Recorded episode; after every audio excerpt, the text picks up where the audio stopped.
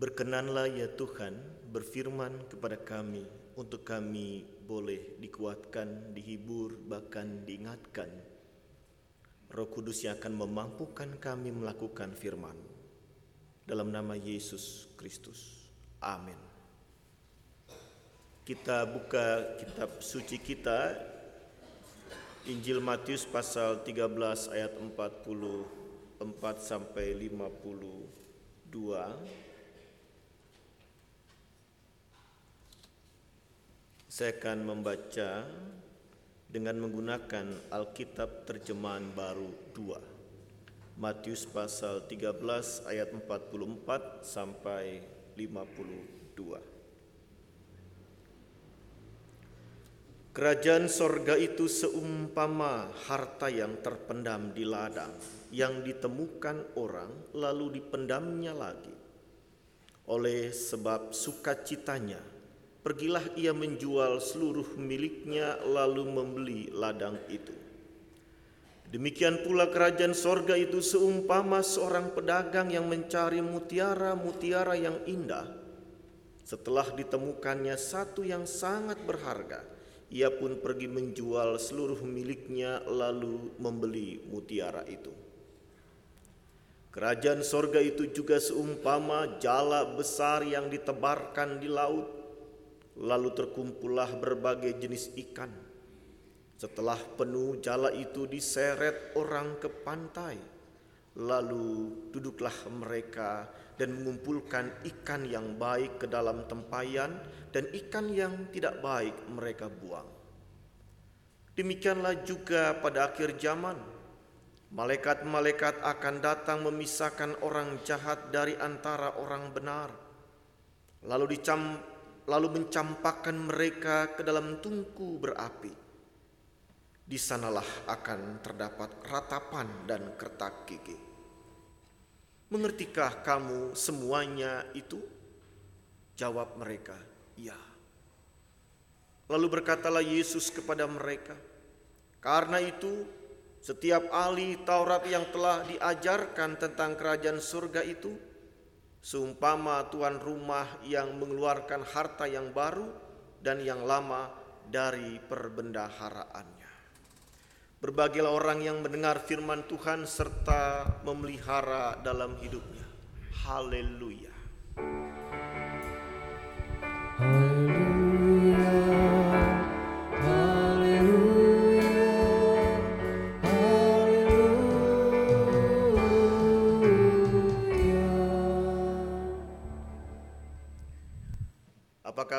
Ibu Saudara?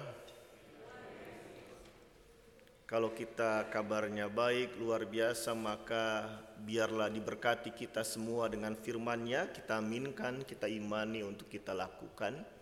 Dan saya mengajak mari bersama dengan semangat untuk hati ke hati merenungkan firman Tuhan pada pagi ini. Biarlah roh kudus akan menyentuh hati Bapak Ibu Saudara. Tema kita adalah harta yang sangat berharga. Bukan hanya berharga tapi sangat berharga. Ada sebuah penekanan. Maka untuk mengawalinya saya akan mengajukan beberapa pertanyaan untuk bisa dipilih oleh Bapak Ibu Saudara, bisa dalam hati bisa menyuarakan. Yang pertama saya tanya sama Bapak, kaum Bapak yang merasa Bapak ya, silakan menjawab. Pak, minum kopi atau siram tanaman? Minum kopi. Ibu-ibu jangan kasih komen bapaknya ya, bebaskan dia. Mau ngomong apa dengarkan saja dulu.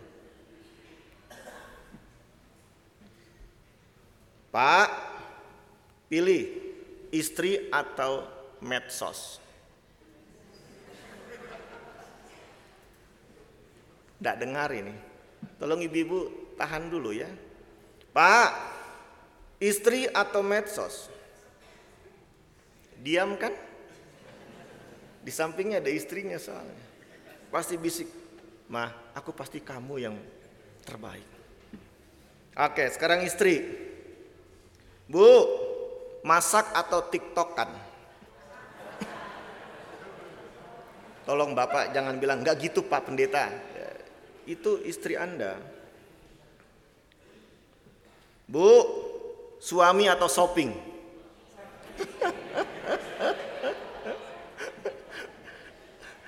beda sama suami tadi ya.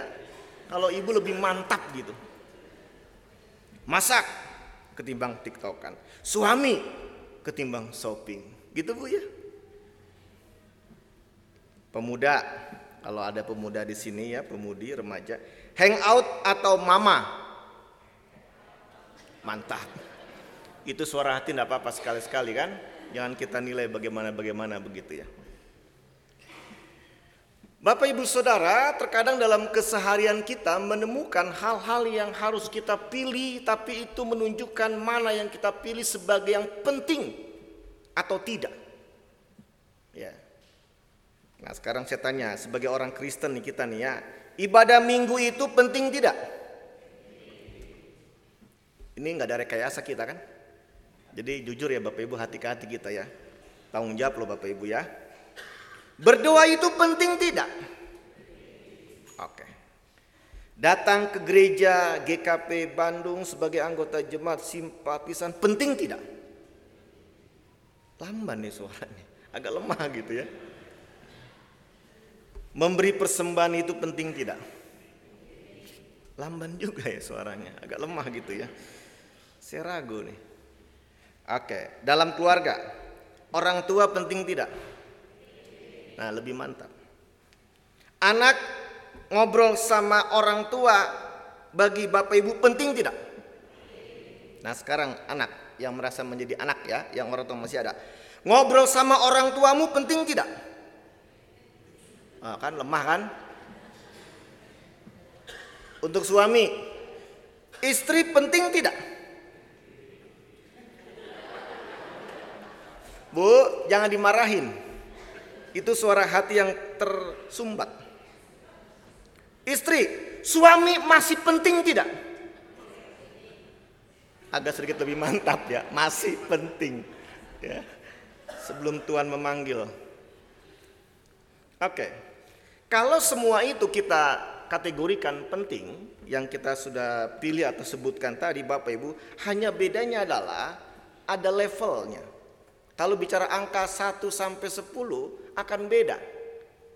Kalau Anda merasa ketemu orang, lalu Anda nggak dianggap, maka bagi dia Anda itu penting atau nggak penting levelnya mungkin rendah. Tapi kalau ketemu orang yang segera merespon Anda cepat, berarti bagi dia Anda itu penting, levelnya mungkin tinggi. Gitu ya.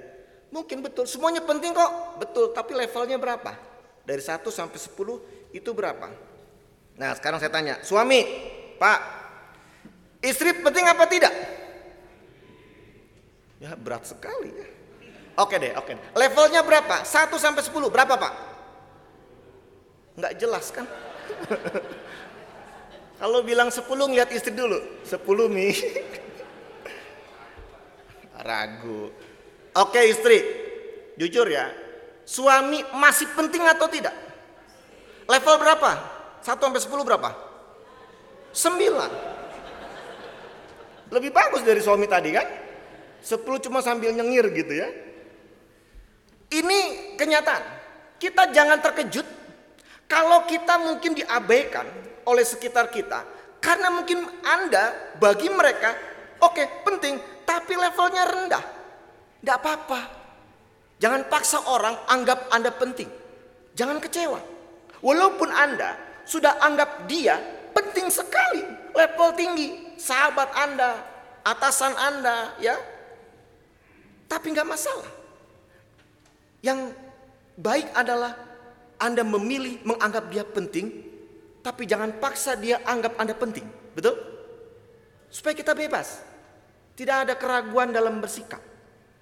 Nah, maka kita bisa menentukan istri level berapa, suami berapa, anak berapa, dan anak ke orang tua, orang tua di level berapa baginya, itu tidak bisa dipaksa. Saya ngerti ketika anak remaja sering kali membuat jengkel mamanya karena selalu tidak seperti yang mamanya inginkan. Lalu mamanya bilang, kau nggak sayang lagi sama mama kah? Dia kan bilang, sayang mama. Betul, dia nggak bohong. Dia sayang, tapi levelnya akan mengejutkan kita. Mungkin rendah. Yang tinggi siapa yang dia perhatikan sangat penting? Temannya. Rekan sebayanya. Kita marah? tersinggung, tersaingi, ya enggak usah. Itulah masanya. Ya, kehidupan remaja. Dan dulu kita pun begitu kira-kira. Maka kalau sesuatu itu penting bagi Anda dan levelnya mungkin sangat tinggi, ya, 6, 7 sampai 10, maka sadarkah kita kita akan menghadirkan sesuatu ada gerakan dalam diri kita untuk memperlakukan sesuatu itu atau orang lain itu secara baik, secara terhormat, menghargai, bahkan memperjuangkannya. Dan kalau ini bisa ketemu, dirasakan di kala orang sedang pacaran. Terasa betul kondisi itu. Baru WA, yang kamu di mana? Aku sakit, langsung itu pacarnya langsung datang. Bawa buah-buahan. Aku mau bilang aku di rumah sakit, bukan di rumah. Nah, kan salah kaprah dia. Tapi semangatnya tinggi.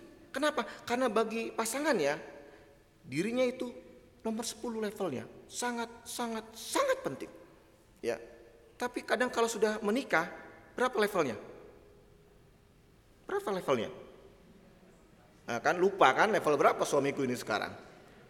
Tidak seperti waktu pacaran. Apa kita bilang, Anda nggak cinta lagi? Nggak usah bahas itu, ribut nanti. Ya, maka saya ngerti, tidak heran kalau seorang ibu yang single parent bisa menafkahi, merawat 10 anaknya sampai sukses, tapi tidak sepuluh anaknya merawat satu ibu. Betul bu? Kenapa? Kok bisa beda? Jangan pernah pertanyakan sebuah keseriusan seorang ibu yang melihat sepuluh anaknya sangat-sangat penting dan dia akan berkorban luar biasa agar anak-anaknya sukses. Tapi anak-anaknya kok bisa beda? Silakan tanya diri kita masing-masing yang masih punya orang tua, Bapak Ibu Saudara.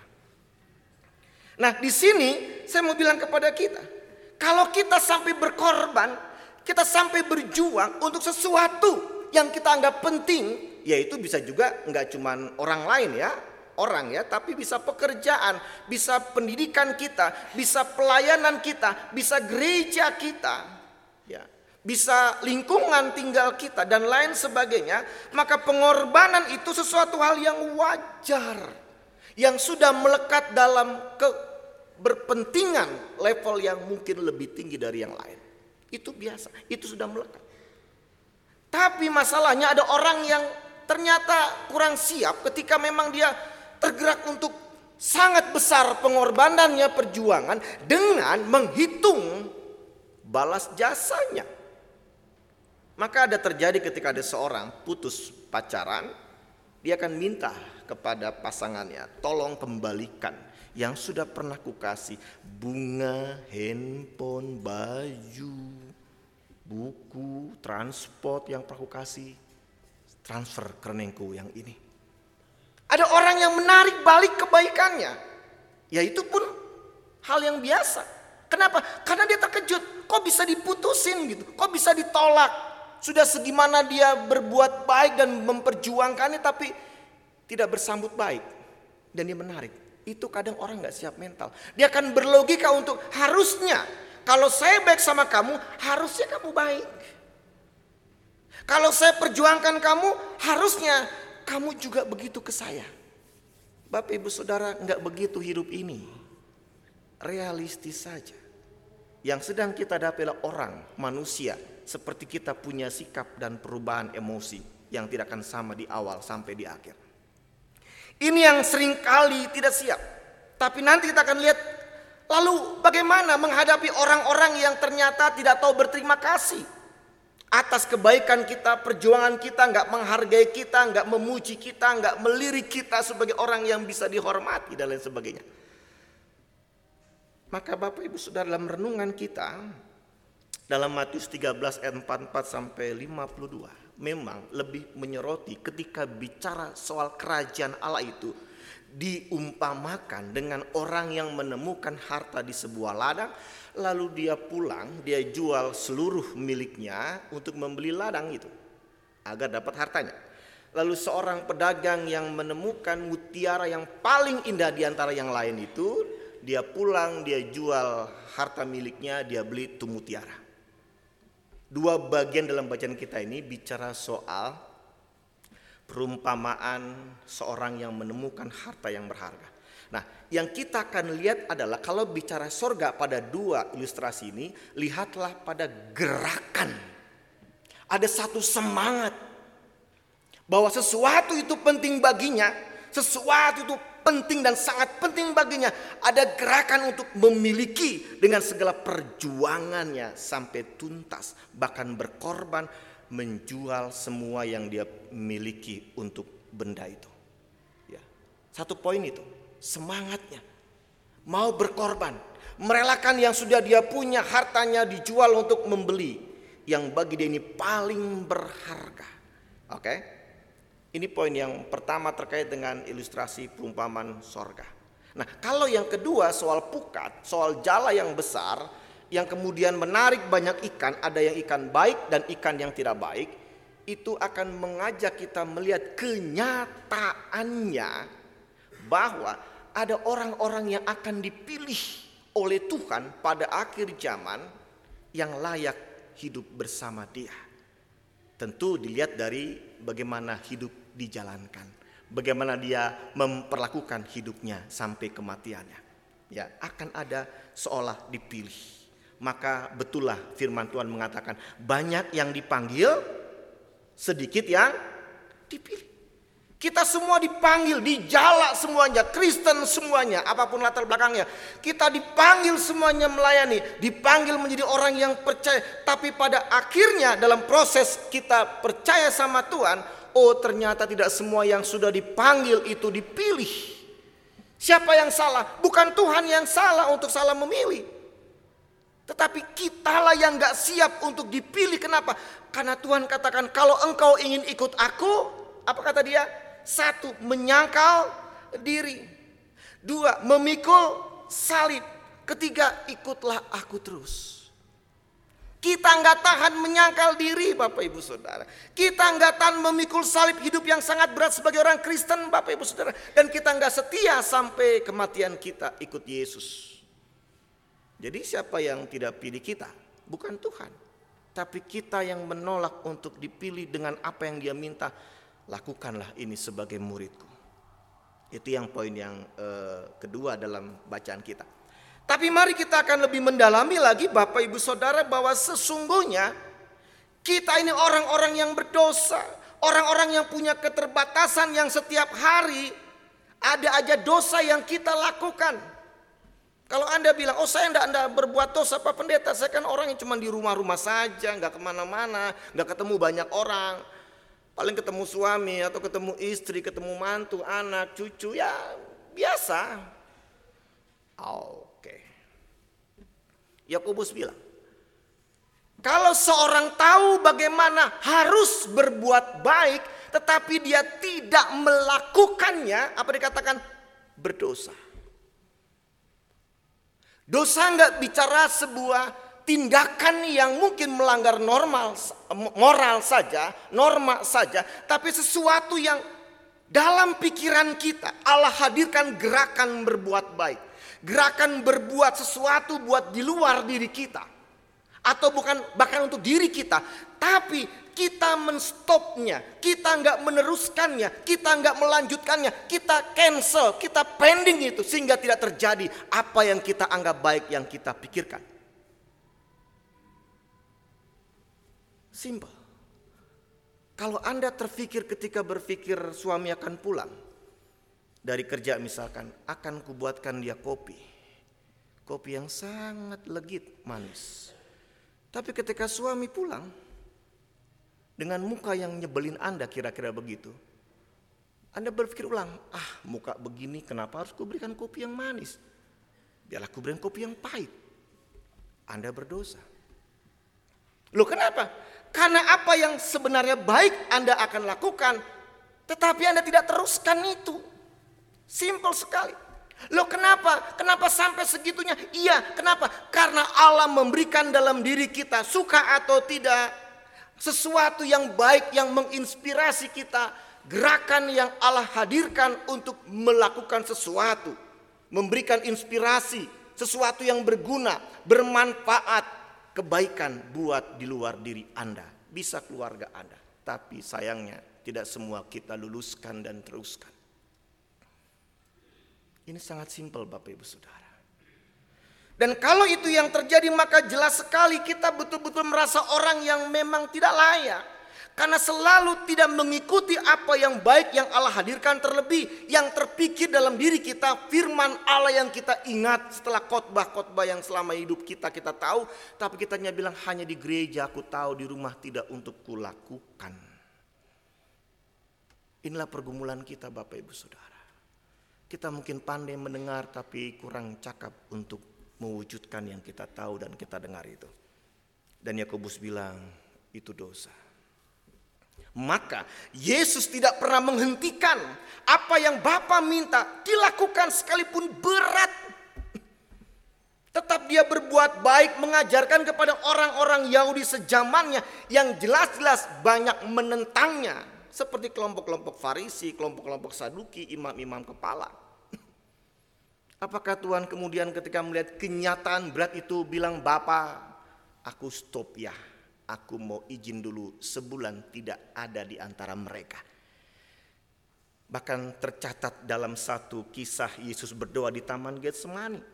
Saking beratnya, ini realita yang dialami Yesus yang mungkin kita bisa selami. Saking beratnya, saking gak mudahnya hidup di tengah umat yang bebal itu. Sampai dia berkata, kalau boleh, apa dibilang? Cawan ini berlalu. Itu kan teriakan kita yang kadang kita bilang Tuhan please aku udah nggak kuat lagi. Ya kita nggak bilang bunuh diri ya, tapi Tuhan please ada nggak cara yang lain yang membuat aku lebih enakan gitu loh.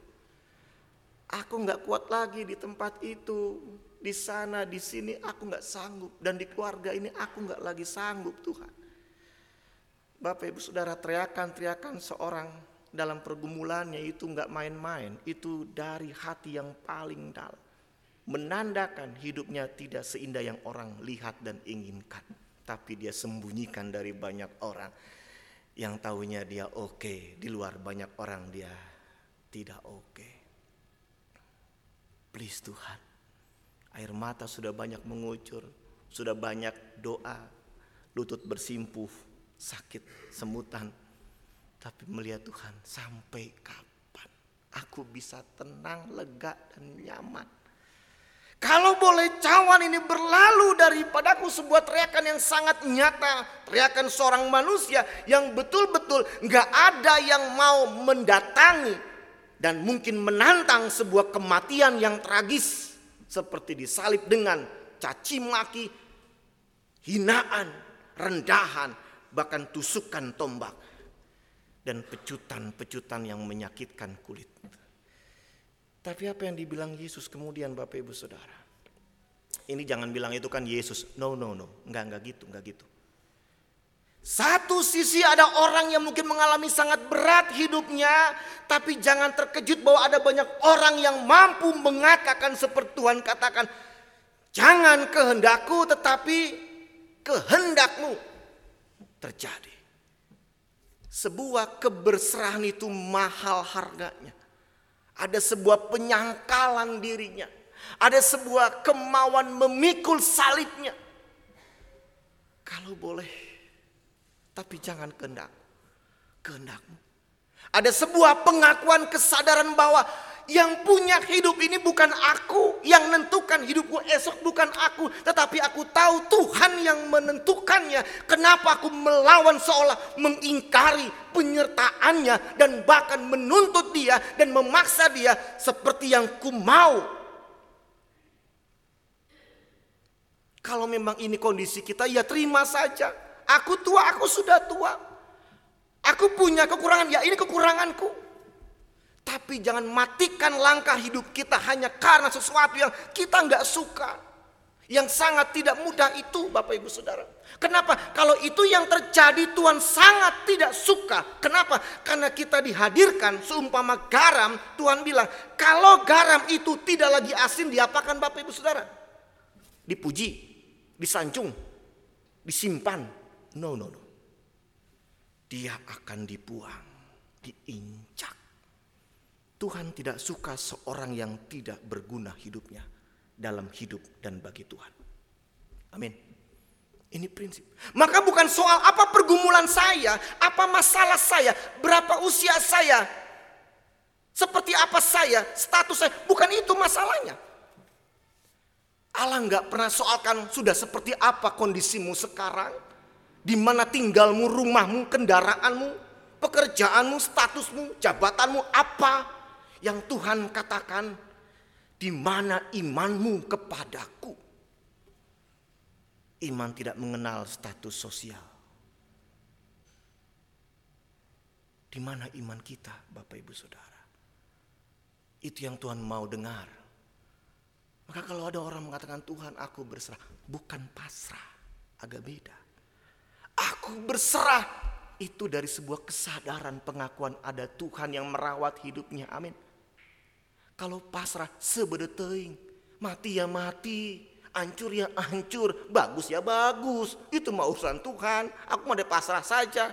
Beda. Kalau orang berserah, dia bangkit dari doanya, dia melangkah keluar rumah atau bangkit dalam aktivitasnya, dia meletakkan iman yang sangat sentral. Di mana imanmu? Ini kadang juga bagi saya pribadi sebagai pendeta selalu menjadi pergumulan. Tidak lepas dari kekhawatiran, keraguan, kecemasan akan hari esok. Dan senangnya Tuhan tahu itu, kita semua diingatkan, jangan khawatir, jangan takut. Nah yang dia bilang apa? Jangan khawatir akan hari esok loh, bukan hari ini. Jangan kamu takut hari ini, enggak. Jangan kamu takut, jangan kamu khawatir akan hari esok. Loh kenapa? Karena kita hidup sering kali tidak menghidupkan hari ini, mensyukuri hari ini, menghargai hari ini, tapi melompat lebih jauh esok, lusa, dan seterusnya. Dan kita lupa kalau esok, lusa belum tentu Allah izinkan kehidupan kita terjadi. Betul? Banyak orang Kristen kurang menghargai hidup yang Allah berikan hari ini Oke oke saya paham. Ada orang bilangnya gimana saya tidak menghargai ya, gimana saya bisa bersyukur ya lawang hari ini berat banget. Kalau besok ringan, besok itu enak-enak, baru saya bisa bersyukur. Nah itu dia, itu dia, itu masalahnya. Hidup bukan apa yang kita mau. Hidup apa yang Tuhan izinkan. Berimanlah. Kenapa sih Pak pendeta ngomong iman-iman? Justru kehadiran Anda dan saya, Yesus ingatkan, kamu seperti domba di tengah serigala. Jangan dibalik, kamu serigala di tengah domba. Nyanda tuh. Kalau udah diingatkan begitu, akui, oh iya hidup ini memang tidak mudah. Tapi jangan katakan hidup ini tidak ada kesenangan, keindahan, kenikmatan. Ada. Ada kebahagiaan? Ada. Tuhan ingatkan. Lingkungan kita yang mungkin gak seperti yang kita inginkan, oke, gak masalah. Itu bukan urusan kita. Urusan kita adalah melangkahkan kaki kita sebagai domba di tengah serigala. Tempatkan imanmu. Berserah dan percayalah. Apa pun yang kau ingin lakukan dalam pergumulan Tuhan berkati engkau menjadi berkat. Amin. Kalau di Alkitab disebut janda miskin dipuji Tuhan. Bukan dikoreksi. Oh maaf bukan janda miskin. Tapi yang masih punya suami. Oh maaf bukan miskin tapi yang kaya. Nggak ketemu bacaan itu. Yang ketemu seorang janda sudah janda nih miskin. Kan menderita banget tuh hidup. Nggak bisa ngapa-ngapain dia. Mau buat apa dalam keterbatasan itu? Tapi Tuhan puji orang itu bukan karena jandanya, statusnya, atau dudanya, atau yatim piatunya misalkan, atau miskinnya, bukan itu, bahkan bukan karena kayanya misalkan. Suksesnya bukan, tapi apa? Karena keberserahan dan imannya itu menggetarkan hati Yesus dan mengatakan, lihatlah orang itu akan diingat. Dan dicatat di kitab suci. Maka Yesus katakan ada juga hal yang berat yang bisa membahagiakan. Tapi versi Yesus adalah bukan apa yang kau terima. Tetapi apa yang kau lakukan memberi lebih berbahagia memberi daripada menerima. Apakah itu omong kosong Bapak Ibu Saudara? Silakan Bapak Ibu Saudara yang sudah mengalami kebenaran firman Tuhan dengan banyak menghadirkan kebaikan, memberi dan memberi apa pun itu, hati Anda dilimpahi syukur dan gak sempat berpikir untuk khawatir akan hari esok. Kenapa? Anda sedang semangat-semangatnya menjalani hidup hari ini. Kalau Anda ditanya, Mama tidak punya masalah? Punya. Papa nggak punya masalah? Punya. Asik-asik aja mama? Asik-asik aja papa. Karena tugasku menghadirkan apa yang Tuhan minta. Aku bahagia di situ. Aku suka cita. Aku bersemangat. Maka pikirkan apa lagi yang bisa kita lakukan hari ini. Bukan apa lagi yang bisa kudapatkan hari ini dari orang lain. No, no, no. Mother Teresa di setiap hari dia berdoa. Tuhan ini tanganku, ini kakiku, ini mataku. Biarlah hadir di antara kaum papa di India. Lalu kita bagaimana Bapak Ibu Saudara? Maka dari sini kita melihat bahwa hidup ini sesuatu yang sangat berharga bagi Tuhan dan juga kiranya bagi kita yang menjalankannya. Hidup ini sangat berharga sampai Tuhan bilang, kalau engkau dapat semua harta di dunia tapi kehilangan nyawamu, apa artinya? Apa artinya?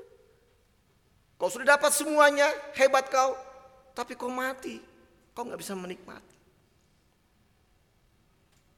Kalau kita ingin melihat anak kita tumbuh besar, tapi kita sangat stres dan membiarkan itu dalam hari-hari kita.